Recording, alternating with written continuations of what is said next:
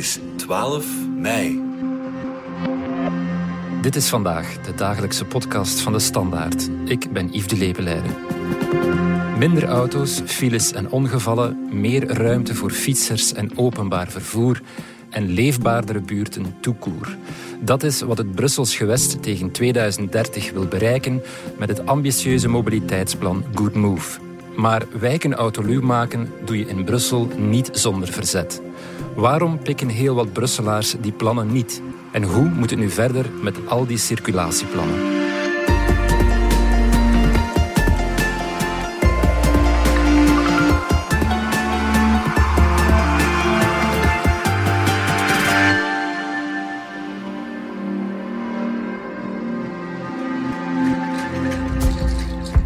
Hans van de Kandelaar, welkom in onze studio. Jij bent uh, auteur en journalist en Brusselaar. Of moet ik zeggen flamand, want dat is hoe de draries in de Brusselse volkswijken, Les Potus Quartier, jou misschien aanspreken. Hoe voel jij je als flamand in Brussel? Ik als Flamand, uh, prima. ik, ik, word trouwens nooit aangesproken als Flamand. Hè. Dus ik heb nogthans sterk uitgebreide netwerken in alle milieus.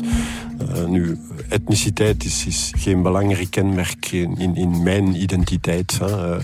in Vlaanderen ga ik mij eigenlijk nooit Vlaming noemen, wel een Brusselaar in bepaalde contexten. En in Brussel, als het ertoe doet, ga ik mij nooit Vlaming noemen, wel misschien eerder Nederlandstalige Brusselaar. Je kent Brussel door en door. Je hebt al een paar boeken en reeksen geschreven over Molenbeek en migratie. En voor je nieuwe project ben je opnieuw op onderzoek getrokken door de hoofdstad om ja, te tonen hoe Brusselaars ondanks alle diversiteit samenleven en wat de stad ondanks al die verschillen verbindt. Hè? Maar deze keer schreef ik geen uh, boek vol, wel een website hyperdiversbrussel.be, ja. waar je twee jaar veldwerk op kan lezen. En dat draait allemaal rond het eigenlijke samenleven in, in hyperdivers Brussel. En wat lukt er niet en wat lukt er wel, de troeven, de pijnpunten. En heel concreet ben ik in nagenoeg alle maatschappelijke sectoren gaan enquêteren met die heel concrete vraag hoe waait hyperdiversiteit bij jullie binnen? Bij jullie bijvoorbeeld, huisartsen. En wat vertellen die dan? Hè? Ja. Uh, en zo heb ik in alle sectoren gekeken. Dus onderwijs, jeugdsector, uh, noem het maar. Huisvesting en zo. Huisvesting, ja. noem het. Het onderwerp dat de Brusselse samenleving op dit moment misschien het meeste beroert, waar die hyperdiversiteit ook uh, goed voelbaar is en waar je ook enkele artikelen aan hebt gewijd, dat is mobiliteit.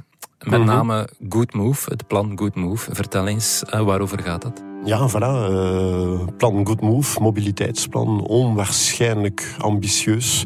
Als het lukt om dat tegen 2030 uit te rollen, dan denk ik dat Brussel kan hopen om aansluiting te vinden bij honderden steden in Scandinavië, Nederland, Spanje, Italië. Dus uh, een plan richting meer autoluwte, betere lucht, uh, meer verkeersveiligheid. Voor alle, voor alle duidelijkheid, een plan van het Brussels gewest? Brussels gewest, ja. Dus om eventjes historisch te schetsen. Eh, dus een eerste ontwerp was nog getekend door Pascal Smet in de vorige legislatuur. Dan waren er de verkiezingen 2018 waar al de inmiddels gekozen meerderheidspartijen toch duidelijk hè, de principes naar voren schoven van betere lucht, minder auto's enzovoort. En dan werd het kind geboren, Good Move, mm. in, uh, in, een commissievergadering in het parlement goedgekeurd in 2020. En vervolgens, en dat mag toch echt wel een wonder heten in Brussel, hebben ook al de 19 schepencolleges het goedgekeurd. En ik beklemtoon dat, want de tegenstanders hebben neiging om dat onder de mat te vegen. Dus het is vergeten dat Good Move gedragen wordt door een democratisch verkozen meerderheid. Dat is een belangrijk punt. Ja.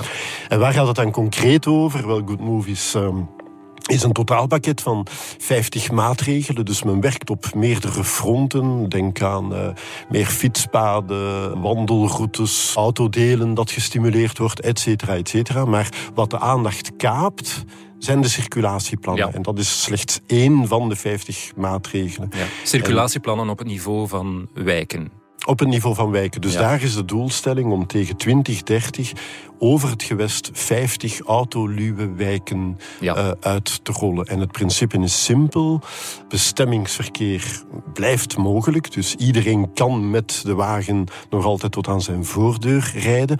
Maar men wil vooral transitverkeer weren uit die wijken. Ja, die circulatieplannen die kennen we ook al een tijdje in uh, Gent en in Leuven bijvoorbeeld. Daar was ook wel weerstand toen die werden ingevoerd, maar ja, niet het uh, soort weerstand dat we hebben gezien in bijvoorbeeld Curigem en Schaarbeek, toen de circulatieplannen daar vorig jaar werden ingevoerd. Laten we eerst even luisteren hoe het er daar aan toe ging. Het is een bewogen week geweest hier in Brussel. We hebben het dan natuurlijk over de circulatieplannen en de protesten daartegen. Je suis pas trop fan du tout, vraiment, parce que je trouve que c'est de plus en plus difficile de circuler euh, à Bruxelles et euh, voilà. Et à nous, les jeunes mamans, qui sont venus ici aujourd'hui parce qu'on est contre ce plan, ce plan de good move. On n'en veut pas, on n'en veut pas, on n'en veut. Il n'y a pas eu de concertation entre les riverains proches des quartiers et surtout les commerçants. La circulation, c'est devenu de la merde. Votre combat est légitime. Comège a commis un excès de pouvoir. Finalement, c'est plus le bazar, si je peux me permettre.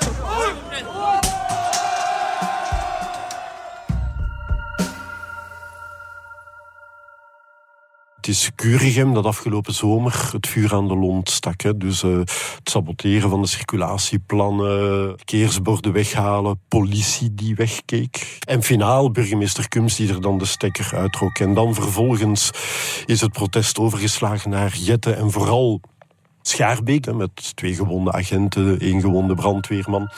En als we dan de sprong naar vandaag maken, dan zie je dat dat protest woede op meerdere niveaus. Om te beginnen de gemeenteraden. Het hangt af van gemeente tot gemeente. Dus in, in Jetten en Gansoor gaat het er nog wel beschaafd aan toe. In Brussel centrum wordt er sporadisch een keer geroepen, maar het zijn vooral Schaarbeek en Anderlecht die een strijdtoneel zijn geworden. Dus waar een politieke meerderheid constant wordt uitgejouwd soms bedreigd. Het gaat wel ver, hè?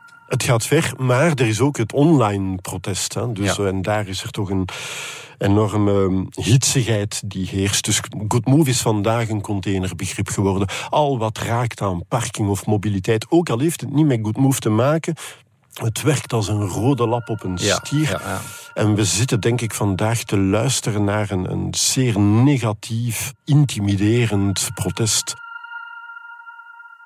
al dat verzet, bijvoorbeeld in Curigem, ja, het heeft wel effect gehad, want daar werd het toch afgevoerd. Effect, ja, ja en nee. Inderdaad, in, in Curigem is het helemaal terug naar nul, hè, zo meen ik begrepen te hebben. Anderzijds zien we toch wel dat twee derde van het circulatieplan in Schaarbeek inmiddels wel gelukt is. Ondanks, alle en voor, ondanks alles. En dan vooral, vooral uh, het voornaamste plan tot nu toe, het grootste voor heel de Vijfhoek, dus Brussel Centrum. Ja. Daar is het uh, definitief. En er zitten nog een achttal andere dossiers in de pijplijn. Hè. Dus die zitten ofwel nog in een studiefase of anders in een testfase. Waarom was het protest in Curigem en Schaarbeek zo hevig? Wie, wie waren die mensen? die die parkeerborden en zo saboteerden? En, en wat waren hun voornaamste argumenten? Het protest heeft meerdere gezichten. Hè. je vindt het terug in alle lagen van de bevolking, ook Ukelse bourgeoisie, noem maar op. Dus ik denk dat er een, een, een sterke autolobby actief is in Brussel, die gewoon zonder meer het recht op autogebruik bepleit. Maar interessant wordt het dan als je gaat kijken naar het protest in de arme centrumwijken. Mhm. En daar blijft basic de boodschap voor mij eigenlijk dezelfde, namelijk mijn auto, mijn vrijheid. Mhm. Maar de boodschap wordt anders verpakt. Er wordt een sociale laag over gesmeerd. Wie zijn daar de trekkers volgens mij? Ik denk vaak al dan niet gekleurde middenklassers. En in basis uitgangslijn is dat zij zich uh, afzetten tegen een, een elite die good move opdringt en waarbij ze opkomen voor het authentieke volk, zo noemen ze dat dan. Het gewone volk, de, de arme mensen in, in de kanaalzone. Je krijgt ehm, hele redeneringen over ja, wat, wat, wat betekent die auto nu in, in de volkswijken. Hè? De auto als collectief goed. En dus uh, veel grote gezinnen die de auto delen om boodschappen te doen voor elkaar, om, om elkaars kinderen naar school ja, te brengen. Dat zijn argumenten die dat, je hoort, dat concept, van de mensen dus, zelf toch ook? Ja. Van de mensen die het verzet trekken vooral. Ja. Hè. Dus zo, wordt het, zo lees je het op de socials. Mm -hmm. Met daarbij de boodschap van ja, good move ondermijnt dat sociaal weefsel, wil dat sociaal weefsel uitroeien.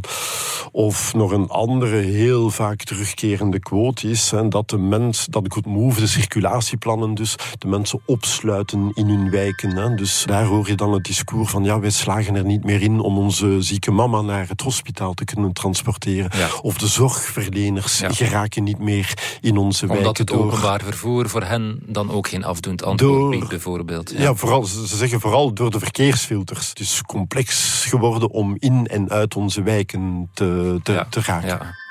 Ook in Brussel-stad kwam er gelijkaardig protest en werden er gelijkaardige argumenten gebruikt. We luisteren even naar sociaal werkers Mustafa Chanouf en Younes El Abdi op de gemeenteraad van de stad Brussel uh, eind vorig jaar. Nous vivons dans ce quartier depuis un demi-siècle.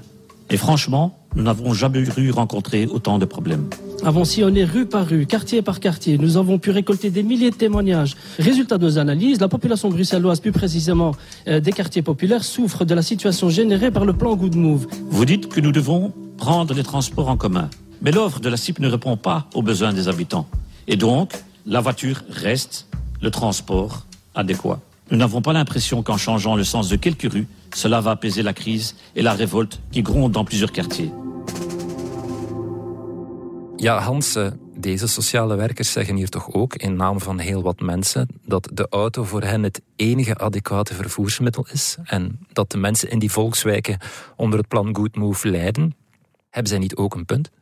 We weten allemaal van zodra je een circulatieplan invoert, dat de eerste maanden voor heel veel ongemak ja. zorgen. Maar nadien hebt dat wel weg en Ja. komt dat wel in orde. En ja, de mensen moeten vandaag nog altijd een klein omwegje maken. Maar vandaar wat ik daarnet ook zeg, een circulatieplan houdt wel in dat bestemmingsverkeer mogelijk blijft. Dus iedereen kan die wijk in en uit blijven rijden. En vooral kijk nu naar het succes van Brussel Vijfhoek. Hè, want Younes komt vooral op voor de Marollen in het Ja. centrum. Ik nodig u gewoon uit van eh trek eens door de Marollen met uw fiets. En je zal geen noemenswaardige files meer vaststellen. Dus naarmate dat er meer transitverkeer verdampt ontstaat er ook meer plaats voor lokale automobilisten. Dat lijkt mij nogal Ja. de logica zelf. Ja. En daarentegen, als je naar de mensen van Curigem luistert, ja, eigenlijk hebben die vandaag weinig recht van spreken, want men heeft het nooit een kans gegeven. Ja. Men heeft er de stekker van meet af aan uitgetrokken.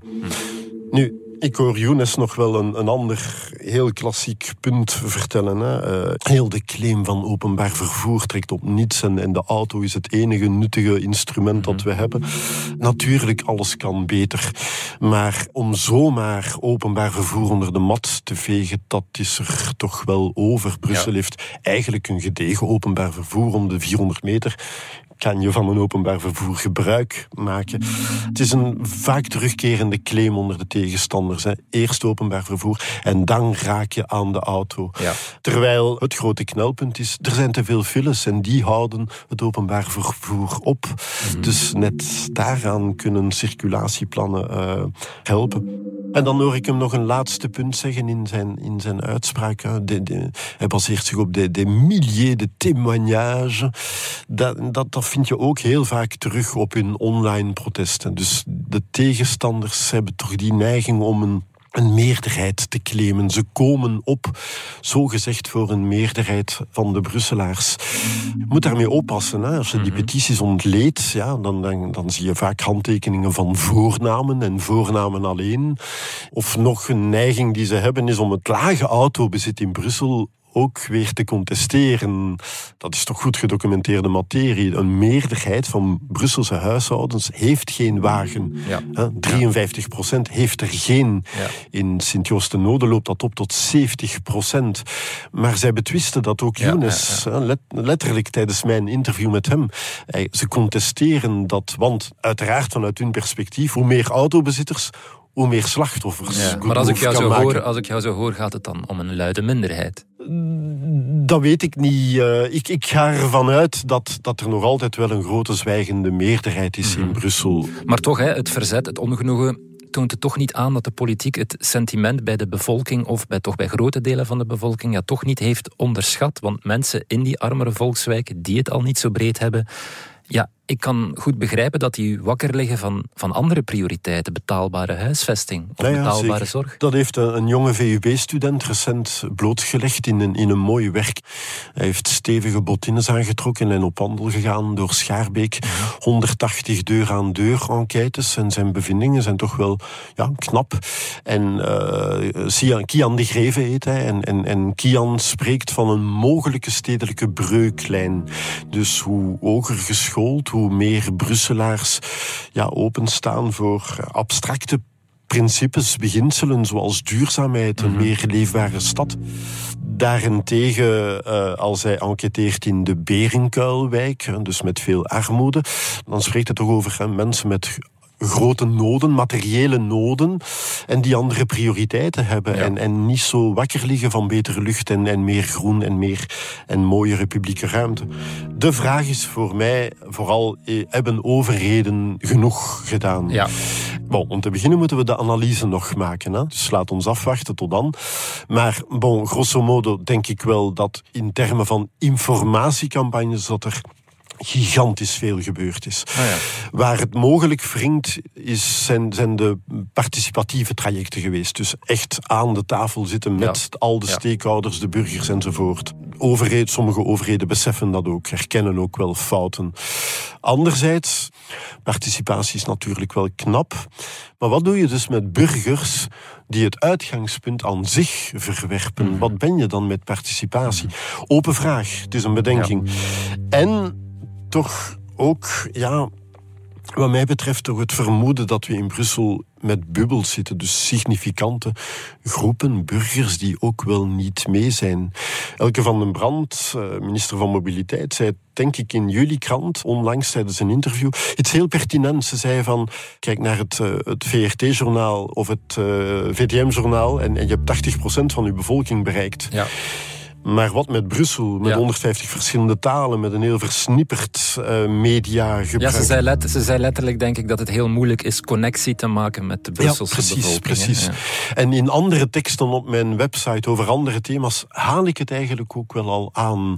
We weten bijvoorbeeld dat veel mensen in armoede in de kanaalzone niet mee zijn met de preventieve gezondheidszorg. Hè, De gratis eh, test voor borstkankeronderzoek. Men is niet mee. Of we hebben het gezien met, met de vaccinatiecampagne tegen COVID. Hè. Het, was geen bijsterend succes in de kanaalzone. Maar bon, uiteraard, de eindverantwoordelijkheid ligt wel bij de overheid. Hè. Het is aan overheden om dan de vraag te stellen van oké, hoe kunnen we die mensen bereiken?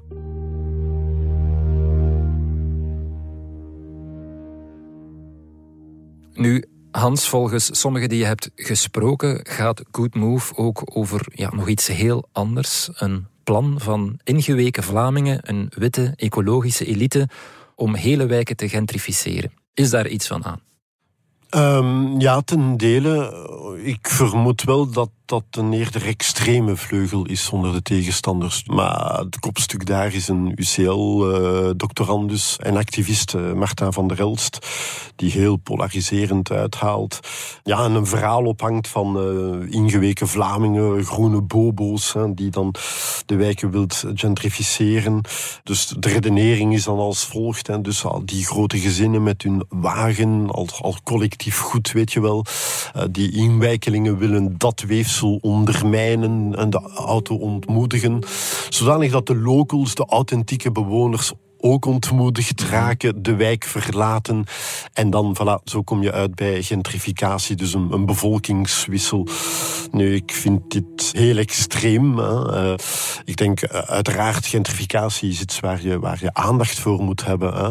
Maar dat bestrijd je wel op een andere manier. Mm -hmm. Er woedt een, een, een, heel schrijnende huisvestingscrisis in Brussel. Hè. Dus uh, het schrijnend tekort aan betaalbare kwalitatieve woningen. Maar dat bestrijd je door maatregelen binnen uw huisvestingsbeleid. Je doet dat zo. En, en mobiliteit staat daar a priori los van. Ik ben ook wel een believer van een soft vorm van gentrificatie. Dus uh, ik zie er helemaal niks verkeerd in om via uw mobiliteitsbeleid te komen tot een betere, aangenamere publieke ruimte. Ja. Dat komt gewoon de mentale gezondheid van iedereen ten goede. Dus in die zin vind ik het eigenlijk van de pot gerukt. Ja, het verzet legt, zoals je zei, wel een stedelijke breuklijn bloot. Hè? Maar ik noem het eerder een mogelijk mentaliteitsverschil. Want ja. dus die van der Helst haalt misschien wel een punt aan. Hè. Als je kijkt naar de, wie de petities van de voorstanders signeert, dan zie je toch wel vaak ook Nederlandstalige burgers of ja. expats. Ja. Daarentegen kijkt naar de petities van de tegenstanders. Dat zijn dan vaak namen mensen met een migratieachtergrond of veel Franstaligen toekoer. Dus uh, ja, misschien ligt dat een mentaliteitsverschil bloot. In die zin dat Nederlandstaligen en expats een grotere fietscultuur meebrengen ja. naar Brussel. Ja. En dat vind ik wel een interessant gegeven. In Wallonië is men veel minder vertrouwd met autoluwe steden zoals Gent en Mechelen. Hè. Hoe moet het nu verder met al die andere plannen? Want je zei in het begin al, er moeten in totaal een vijftigtal circulatieplannen worden ingevoerd tegen 2030. En bij de eerste ja, zat het spel al op de wagen en, en werden plannen afgevoerd. Gaan die nu nog allemaal uitgerold worden? Vinden ze in de Brusselse regering Good Move ja, nog altijd een goed idee? Ja, maar de, vooral in eerste instantie, de, de verkiezingen 2024 staan bijna voor de deur. Hè. Bon, je hebt de evidente oppositiepartijen PTB en, en NMR die toch wel op, uh, om de hoek loeren. Heel interessant is om uit te kijken hoe de PS zich vanaf nu zich zal verder blijven positioneren. De PS die voor alle duidelijkheid Good Move mee heeft gestemd, maar toch wel barsten vertoont. Hè, met aarzelende, afhakende burgemeesters. Uh, Catherine Moreau, Philippe Kums. En ja, wat gaat de impact zijn op Ecolo Groen, die vandaag op de socials van dat tegenstanders massaal wordt ge, gediaboliseerd. Ja, weg met de groene uh, dictatuur. Weg met de groene ja. dictatuur, dat soort van quotes. Ik denk uh, globaal waar een circulatieplan werkt, dat het protest na verloop van tijd ook verdampt. Mm -hmm. Wat dat betreft. Uh, vraag ik mij af, hè, hoe gaat de verdere uitstraling zijn van vooral Brussel Vijfhoek? Hè, want het is echt, echt wel een succes. Hè. Sneller openbaar vervoer, zei ik u al. Maar ook de handel die, die het zeer, zeer goed doet in, in de Brusselse Vijfhoek.